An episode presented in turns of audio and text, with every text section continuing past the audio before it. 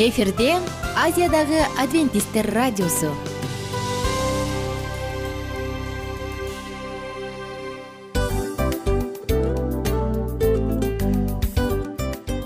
Достор салют. Баардык сүйүктүү угармандарыбызга салам айтабыз. Кутман күнүңүздөр менен. Ден соолук өмүрдүн булагы демекчи саламат саамы программасында баарыңыздарды көргөнүбүзгө абдан кубанычтабыз. Анда алгач амандашып өтөлү арбаңыздар деп. Ден соолугуңуздар кандай элибизде көбүнчө ден соолук кандай дегенде эле жакшы деп жооп беребиз э? ооруп турсак дагы жакшы дейбиз. Анан мен муну айтып ойлойт элем бул абдан сонун сөз депчи анткени бул жакшы деген үмүт да э ооба баары жакшы болот баары сонун. Деп үмүттөнүп атып эле өзүбүздү өзүбүз дарылап коебуз. Анысы кандай? Сиздин дагы ден соолугуңуз жакшы беш деген үмүттөбүз чындыгында ден соолук бул өмүрдүн булагы деп бекеринен айтылган эмес деп ойлойм. Кыргыз элинде анткени эгерде ден соолук жок болсо анда адамдын жашоосунда калган баардык керектүү маңыздуу нерселер өзүнүн баалуулугун жоготуп коет. Ошондуктан ден соолук бул эң керектүү нерсе. Ооба туура айтасың кесиптешим чынында ден соолугуң жок бир эки үч күн ооруп калсаң эле э кандай болуп калат? Жашоодо көз каранды болуп каласың көп нерсеге жетишпей каласың көп нерсени кыла албай каласың жада калса эчке дүкөнгө да чыга албай каласың. Туптуура анан ден соолук болсо демек биз биздин бактыбыз тотой деп койсок болот. Анда достор саламат саамы рубрикабызды баштайлы. Алдыда өзүңүзгө керектүү болгон сонун кеңештерди уга аласыздар. Мына ошондуктан биз менен бирге болуңуздар. Ал эми биз болсо милан жана айнура. Кеттик алга. Алга саламат саама ден соолуктун жарчысы. Саламат саама ден соолуктун ачкычы. Күн сайын сиз үчүн мыкты кеңештер сонун жаңылыктар кызыктуу фактылар. Биздин рубрикада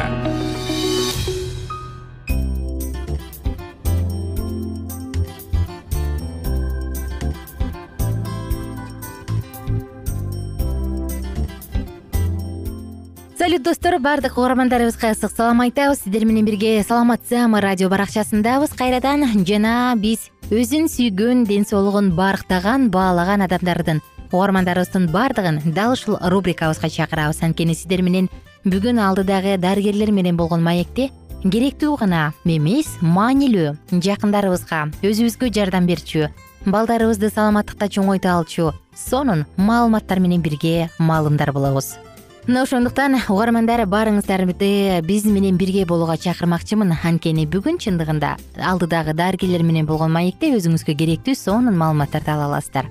Достор адамда биринчи байлык ден соолук деп бекер айтылган эмес э? Мына ошондуктан биринчи эң керектүү болгон байлык бул биздин сиздин ден соолугуңуз. Үстүңдөгү үч кабат үй алдыңда беш түрлүү машина кымбат баалуу унаалардан эч бир пайда жок эгерде ден соолук болбосо. Ошондуктан угармандарыбыздын баардыгына бекем ден соолук каалоо менен бирге биз саатыбызды баштадык. Алдыдагы маалыматтар сиздер үчүн. Достор эгер суроолор болсо сөзсүз түрдө саламат клуб сайтынын ютуб каналына кирип ал жакка комментарий калтырып суроо жөнөтсөңүз болот. Биз сиздин сурооңузду жоопсуз калтырбайбыз.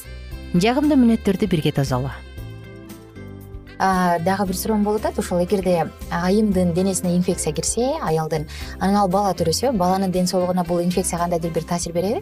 Берет.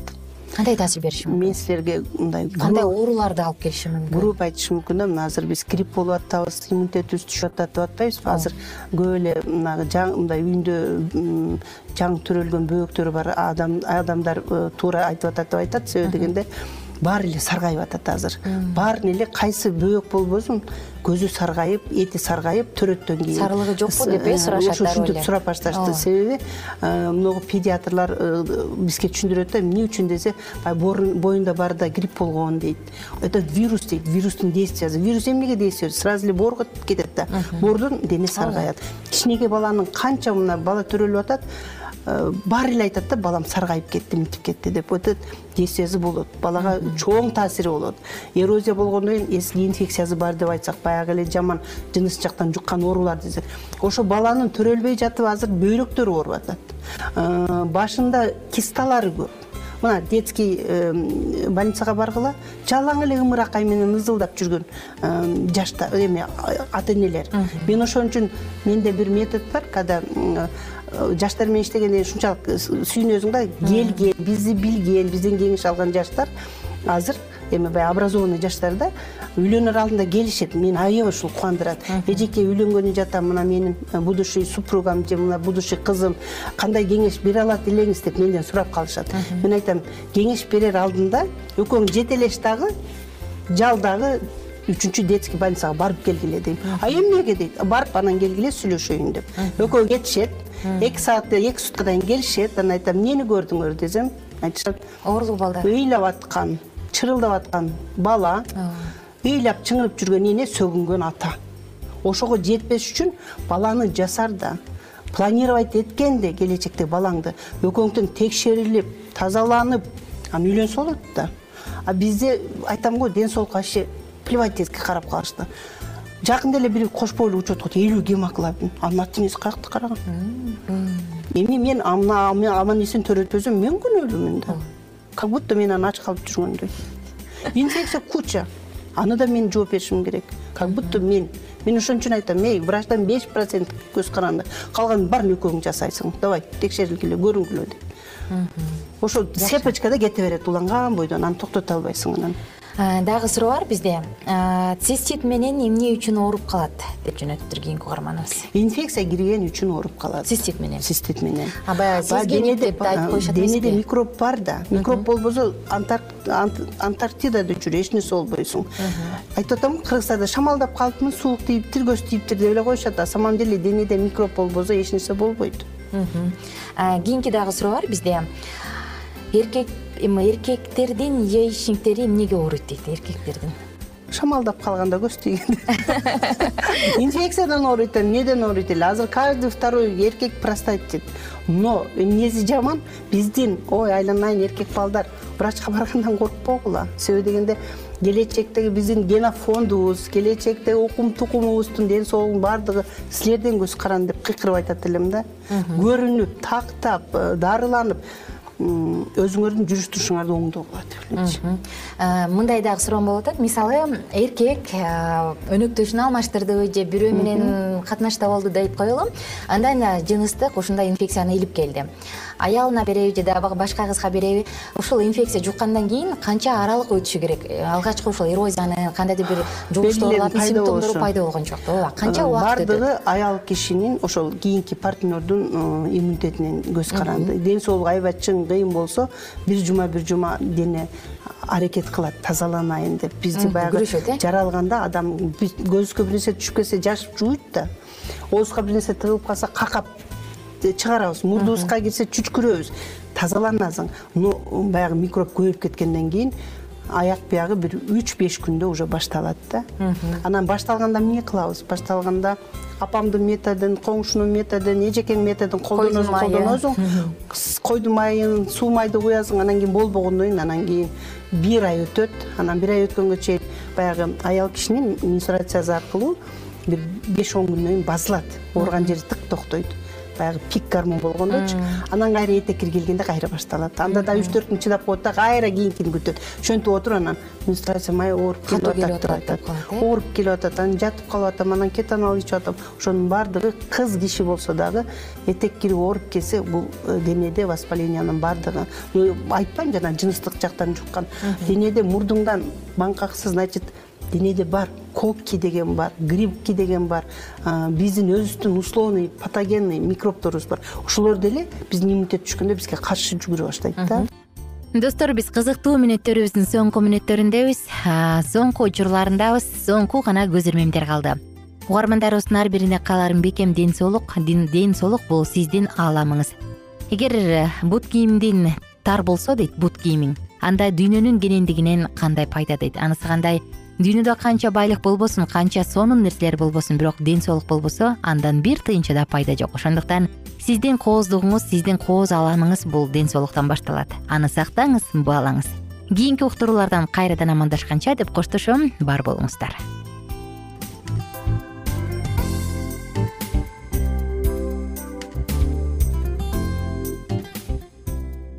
кененирээк маалыматтар үчүн үч w чекит саламат чекит клуб сайтына келип таанышыңыздар. Жана андан тышкары социалдык тармактарда youtube facebook жана instagram баракчаларына катталыңыз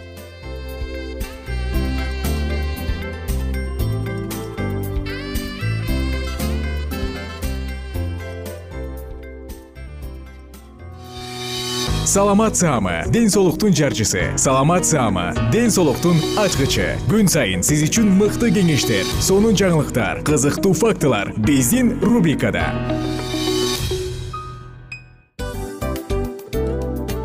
Салам достор. Кайрадан биздин сүйүктүү рубрикабызга кош келиңиздер деп айтмакчыбыз.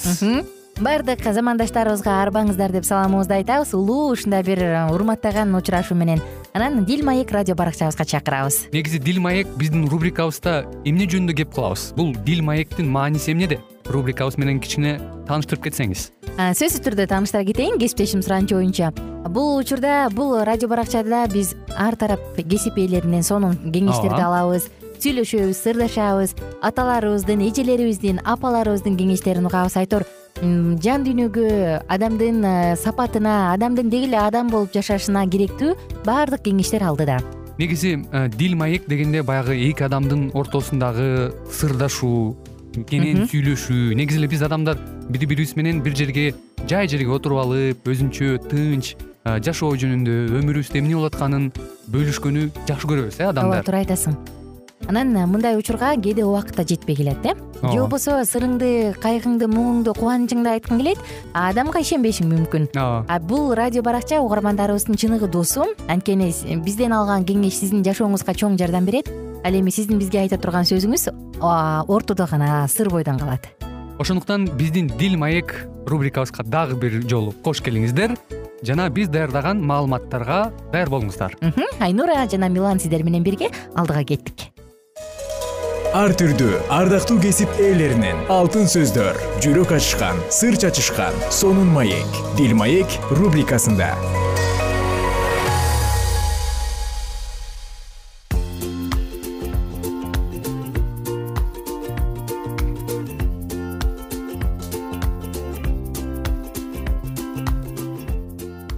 Салют достор биздин сүйүктүү угармандарыбызга ысык салам айтабыз. Жана сиздер менен бирге дил маек радио баракчасындабыз дил маек э, радио баракчасына кош келиңиз урматтуу угарман кайрадан эле кызматта улан жана ошондой эле сүйүктүү кызыңыздар айнура сиздердин баарыңыздарга салам айтабыз. Кесиптеш биз сиз сиздер менен угармандарыбыз менен бирге үй бүлөдөгү финансы маселеси жөнүндө сөз кылып атканбыз э анан мен сизге сага берген суроом мындай болчу. Эмне себептен? Аялдар үйдө көбүрөөк иштеп көбүрөөк каржылык рульду колуна алып көбүрөөк акча тапканга аракет кылып калышат деп. Анан сен сонун себептерди айтып бергенсиң. Э, анан мага дагы кызык болгону эмне себептен? Эркек жалкоолоно баштайт ошол дагы мага кызык болот да. Эмне себептен? Мисалы аял деле карасаң ошондой эле тытынып иштейт ошондой эле аракет кылат. Үйдөгү жумуш ал бул түйшүк болот. Бирок ошол эле учурда эркек жалкоолонуп анын мойнуна ого бетер отуруп алганга аракет кылып калат да. Эмне себептен? Э, эмне себептен дегенде ошол биз буга чейинки программада өзүң деле баса белгилеп айтып кеткендей кесиптешим мисалы ошол аял киши дайыма мындай жетиштүү таап келип атса баардыгы белем болуп атса кээ бир эркектер мүмкүн ошол өзүнүн жоопкерчилигин бул жерде кайрадан жоопкерчиликке барып такалат да өзүнүн жоопкерчилигин жакшы сезбегендиктен эми аялым таап атпайбы жетет да ушул эле. Иштегенде эмне э, болот э, жетет мисалы балдардын деле эмесине жетип атат кем каршысына жетип атат деп мүмкүн ошондой көнүмүш адат болуп калгандыктан дагы мүмкүн же болбосо иштегиси келбейт балким. Жалкоо э? Жалкоолуктан улам баардык жүктү аялына оодарып койгон дагы мырзалар бар бүгүнкү күндө тилекке каршы. Туура туура айтасың. Ошондон улам болушу мүмкүн. Жоопкерчиликтин аздыгынан э? Ооба мисалы дагы карай турган болсок эгерде эркек киши аз акча таап жатса демек анын жалкоолугунан мурун дагы ал өтө эле кыялкечтигинен дагы кабар берет дейт. Элестетиңер ал мындай жатып алып эле алма быш оозума түш деп кыялданат экен анан барып эшикке чыгып алманы алайын десе эле алма жок. Ал үчүн ой даракты жер казып көчөтү отуруш керек? бир нече жыл сугарыш керек. Ой это андан көрө жата берейин дейт экен дагы жатып алат экен да. Өзгөчө ашыкча кыялкеч мырзаларда дагы ушундай болот экен. Анан эч жакка чыкпай кичинекей чөйрөдө чоңоюп калган эркектерде дагы ушул нерсе болот экен. Биринчи кезекте баягы бир нерсеге жетиш үчүн биринчи каалаш керек дейт да. Мен ушундай кийим кийгим келет. Мен ушундай унаа айдагым келет деп э жөн эле кетип баратып о машина меники болсо деп эмес. Каалаш керек. Андан кийин экинчи кезекте ошол нерсе сага ошол нерсени сен өзүңө позволить эте аласыңбы ала аласыңбы? Эгерде жок болсо анда кантип ала аласың деп туруп анан акчаңды үнөмдөп баштоо керек дейт.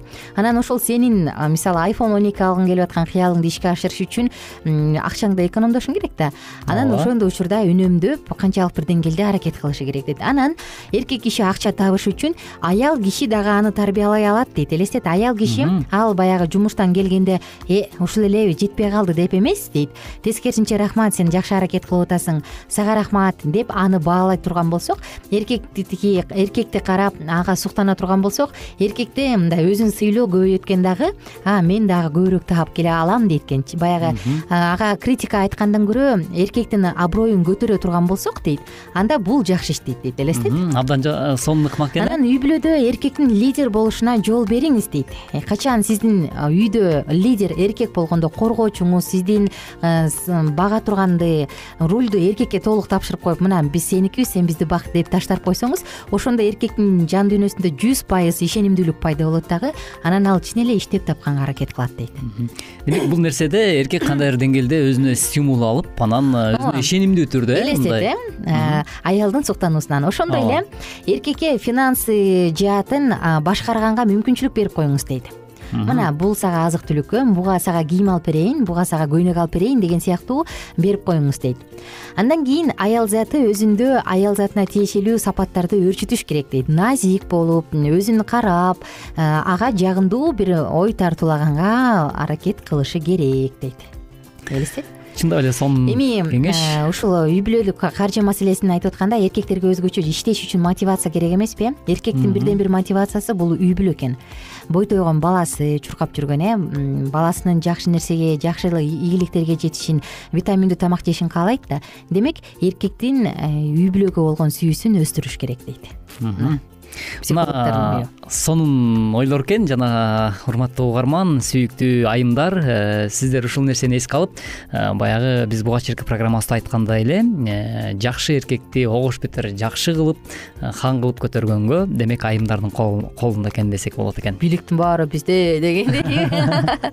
Таң каласың э? Негизи аял затынын күчтүүлүгүнө аял затынын таасирине анан аял затынын ушундай бир айлакерлигине деп дейм го э? Көп жагынан негизи көп нерсени колдон бербейт мына ушундай. туп туура ошондуктан э, кайсы бир ыйык китептердин биринде да айтылган экен. Тактап айтканда накыл сөздөр китебинде э, жакшы аял өз колу менен үйүн курат дейт. Ал эми жаман аял болсо өз колу менен үйүн бузат деген экен. э? Карачы биз достор кийинки уктуруубузда дагы ушул жаатта сөз кылабыз буюрса э, дагы убактыбыз бар экен бир жарым мүнөттүк. Карай кетпейинби э мындай дейт да жолдошу айтат менин келинчегим менимче акчаны керек эмес эле нерселерге жумшай берет дейт чынын айтсам анын сатып алган нерселери бизге зарыл деле эмес. Ал акчаны жакшы кармай албайт. Ушунун айынан акчабыз тартыш болуп калган учурлар көп болот. Аялымдын колуна акча тийди дегиче эле баарын коротуп салат дейт элестет? Жубайы эмне деп айтып атат дебейсиңби ушул эле жагдайга. Балким мен чын эле акчаны туура уруна албайттырмын бирок жолдошум тамак ашка үйгө керектүү буюмдарга жана үйгө байланыштуу чыгымдарга акча канча кетерин ойлоп да койбойт. Мен ага караганда үйдө көбүрөөк болом үй тиричилигине эмнелер керек экенин жакшыраак билем. Ошондуктан акчага байланыштуу тартыштар чыгаарын билсем да керектүү оокаттарды сатып алам дейт мына аялы. Ушунун негизинде биз акыркы нотабыз болсун э? Бул саатты жыйынтыктайлы кийинки уктуруубузда буюрса угармандарыбыздын баардыгын күтүп алабыз. Жана сиздер менен бирге финансы жаатында дагы кандай кеңештерди уга алабыз психологдон бөлүшөбүз? Эмки уктуруудан кайрадан эле ушул ободон үн алышканча урматтуу угарман саламатта болуңуз. Кесиптеш дагы жыйырма секунд сүйлөсөң болот. Жыйырма секунддук сөз сенде. Анда эмесе бүгүнкү айтылган баардык кеңештер сиздердин жашооңуздарга жакшы келечек тартууласын. Ошондой эле э, жакшы маалыматтар дайыма жүрөгүңүздүн э, көкүрөгүңүздүн түпкүрүндө уялап жана жемиштүү э, финанс каражатын колдоно билиңиз деген тилекти билдирейин жакшы. Достор биз сиздер менен коштошобуз. Кийинки уктуруудан ушул эле жаатта темабызды улантабыз биз менен бирге болуңуздар. Жана жакшы маанай жакшы күн каалайбыз сиздерге. Бар болуңуздар достор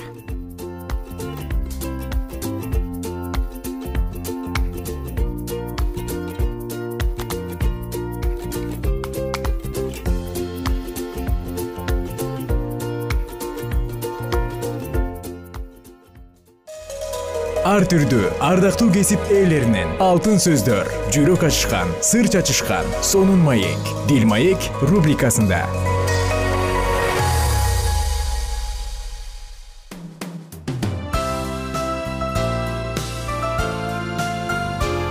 Эфирде азиядагы адвентисттер радиосу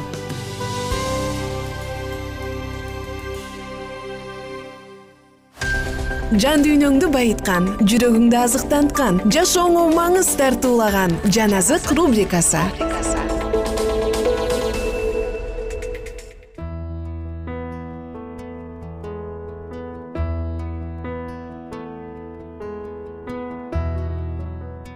Салам достор биздин угармандарыбыздын баардыгына кайрадан ысык салам айтып сиздер менен кезектеги жан азык радио баракчасынын ачылышындабыз достор баарыңыздарга кааларыбыз. Албетте кутман күн жана бүгүнкү күн ийгилик. Аны менен бирге сиздерге эң сонун нерселерди жагымдуу мүнөттөрдү көз ирмемдерди алып келсин. Жан азык радио баракчасында биз акыркы учурга айтылган пайгамбарчылык тууралуу сөз кылып жатканбыз. Тагыраак айтканда акыркы учурда жер үстүндөн тагдыры жер үстүнүн тагдыры эмне болот? Негизи эле бул тууралуу аян китеби эмне дейт мына ушул тууралуу сөз кылып атканбыз өзгөчө тагыраак айтканда биз аян китебинен сонун бир учурларды карап пайгамбарчылыкка көңүл буруп атканбыз. Бүгүн дагы биз сиздер менен бирге улантабыз жана кезектеги чыгарылышыбыздын аталышын дагы бир жолу эстете кетейин. Он үчүнчү бөлүккө келгенбиз аян китеби диний ишенимдердин жана секталардын жалганын ачыкка чыгарат деп. Диний ишеним секта жалган пайгамбарлар учурда абдан көп бирок алардын жалган экенин кантип айырмалайбыз? Бизге эмне жардам берет албетте конкреттүү бир шаблон керек эмеспи э? Негизи жашоодо деле ушундай. Бизде эгерде дүйнө жүзү боюнча убакытты мүнөттү секундту көргөзүп турган саат жок болсо салмак өлчөмүн көргөзүп турган нерсе жок болсо анда анда тилекке каршы албетте бизде кыйынчылыктар жаралмак. Бирок ошого карабастан бизде азыркы учурда баардык жакшы нерселер баардык учурлар бар болгондуктан тагыраак айтканда бизде өлчөм ченеми стандарт бар болгондуктан биз канча килограмм же канча миллиграмм артта калганын же ашып кеткенин сааттарды канча секунд артта калып калганын билип турабыз. Анысы кандай? Жалганды жалган деп айырмалай турган жана бул анын жалган экенин көргөзө турган инжил китеби бар. Инжил китебинде ыйса машаяк ыйса машаяктын жашоосу ишенүүчүлөрдүн тагдыры жана албетте болочокто эмне болот? Диний ишеним деген эмне? Секта эмне? Ал эми тирүү ишеним эмне экенин көргөзүп турган конкреттүү шаблон конкреттүү табель. Дал ушунун негизинде биз достор сиздер менен бирге. Бүгүн да болсо маанилүү учурларга көңүл бурабыз. Анда эмесе биз менен бирге болуңуздар. Экинчи корунтуктарга он биринчи бап он төртүнчү аятта мындай деп жазылат. Бул таң каларлык нерсе эмес. Анткени шайтан да өзүн жарыктын периштеси кылып көрсөтөт акыркы күндөрү шайтан келгенде ал жаркыраган жаандыктын кейпинде келет.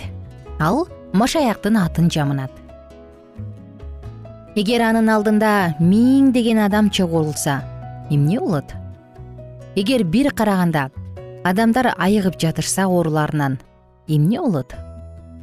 Өзүн машаякмын деп атаган ал жагымдуу көрүнүп өзүнө тартып турса бирок окутуусу библияга дал келбесе да алдай берсе эмне болот төртүнчү негизге кезек берсек. Диний ишенимдер кереметтер бул кудайлык укуктун гана белгиси деп ырастай беришет. Келгиле буга библиядан далил изилдеп көрөлү. Аян китеби антихрист тууралуу мындай дейт. Аян китеби он үчүнчү бап он үч он төртүнчү аяттар. Ал улуу кереметтерди көрсөтөт. Атүгүл адамдардын көз алдында асмандан жер үстүнө от да түшүрөт. Антихрист мындай дейт мен жасап жаткан кереметтерди карагылачы. Мен кудаймынбы же жокпу билгиңер келеби? Анда кереметтер менен жашаандарды карагыла. Ар бир табынууда адамдар кудайдан жышаан менен кереметтерди сурашчу. Машаяктын убагында фаристейлер менен садукейлер ыйсага эгер сен кудай болсоң керемет көрсөт деп айтышкан. Чындык эч качан кереметтер менен бекемделбейт кудай керемет көрсөтө алабы? Ооба кудай кереметтерди жасай береби? Албетте. Бирок библия бизге жалган кереметтер бар экендигин да айтат. Чындыкты кереметтер боюнча талкуулап кереги жок. Кереметтерди чындыкка туура келеби деп талкуулаш керек. Антихрист акыркы убакта кереметтерди жасайт. Ал ошол кереметтер ага кудайдын батасын бергендиктен кудайлык белгиси жана анда диний бийлик бар. Ошондуктан ага баардыгы табынышы керек деп айтат. Карагылачы адамдардын храмында дин джонс өзүнүн кызматында адамдарды атынан атап алар ар кандай оорулардан айыктуу деп айтчу. Анын артынан ээрчиген адамдардын тобунда айыгуулар жана башка толгон токой кереметтер көп болчу. Бирок достор булар жалган кереметтер болчу. Алар акырында гаяна джунглисинде тогуз жүз отуз бир адамды өз жанынан кыюуга алып келди. Кереметтер библияны алмаштыра албайт. Алар машаякты да алмаштыра албайт. Ал кереметтер чындыкты да алмаштыра албайт библия акыркы учур жөнүндө эмне деп окутаарын ой жүгүрткөн адамдар билгиси келишет. Алар күчтүү рухий тамакты жегиси келишет. Алар эмоционалдык үстүртөн бүгүн бар эртең жок боло турган нерселерди каалашпайт. Алар кудайдын сөзүнөн чындыкты билгилери келишет. Ыйса дал ушул нерселерди сунуштайт. Анын кереметтери бизди чындыкка алып келет. Бирок диний ишенимдин лидери джим джонс адамдарды кереметтер менен алдаган. Армагедондо согуш болгон кезде шайтан эң окмуштуудай жалган кереметтерди көрсөтөт деп айтат библия. Кандай кереметтер жана аларды кантип көрсөтөт? Биз бул тууралуу кийинки уктурууда сөз кылабыз. Мына достор ошондуктан баардыгыңыздар менен убактылуу коштошобуз бир гана керемет көрсөтүп койсо ой бул олуя экен дегендин кереги жок. Анткени аны шайтан жана жер алдындагы жаман рухтар дагы көргөзө алышат. Бизди эмне чын эмне жалган экенин айырмалай турган инжил китеби бар. Дал ушул инжил китеби биздин компас болсун. Достор жалпыңыздар менен коштошом жана кийинки уктурууда ушул эле темабызды андан ары улантып дагы маанилүү учурларга токтойбуз ага чейин жалпыңыздар менен убактылуу коштошом. Күнүңүздөр көңүлдүү маанайыңыздар беш болсун. Бар болуңуздар аман болуңуздар. Сиздерди ар бириңиздерди жаратканыбыз жалгасын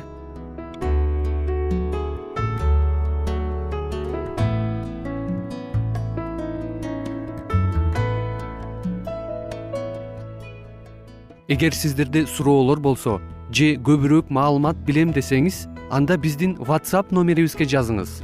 Плюс бир үч жүз бир жети жүз алтымыш алтымыш жетимиш. Кайрадан плюс бир үч жүз бир жети жүз алтымыш алтымыш жетимиш.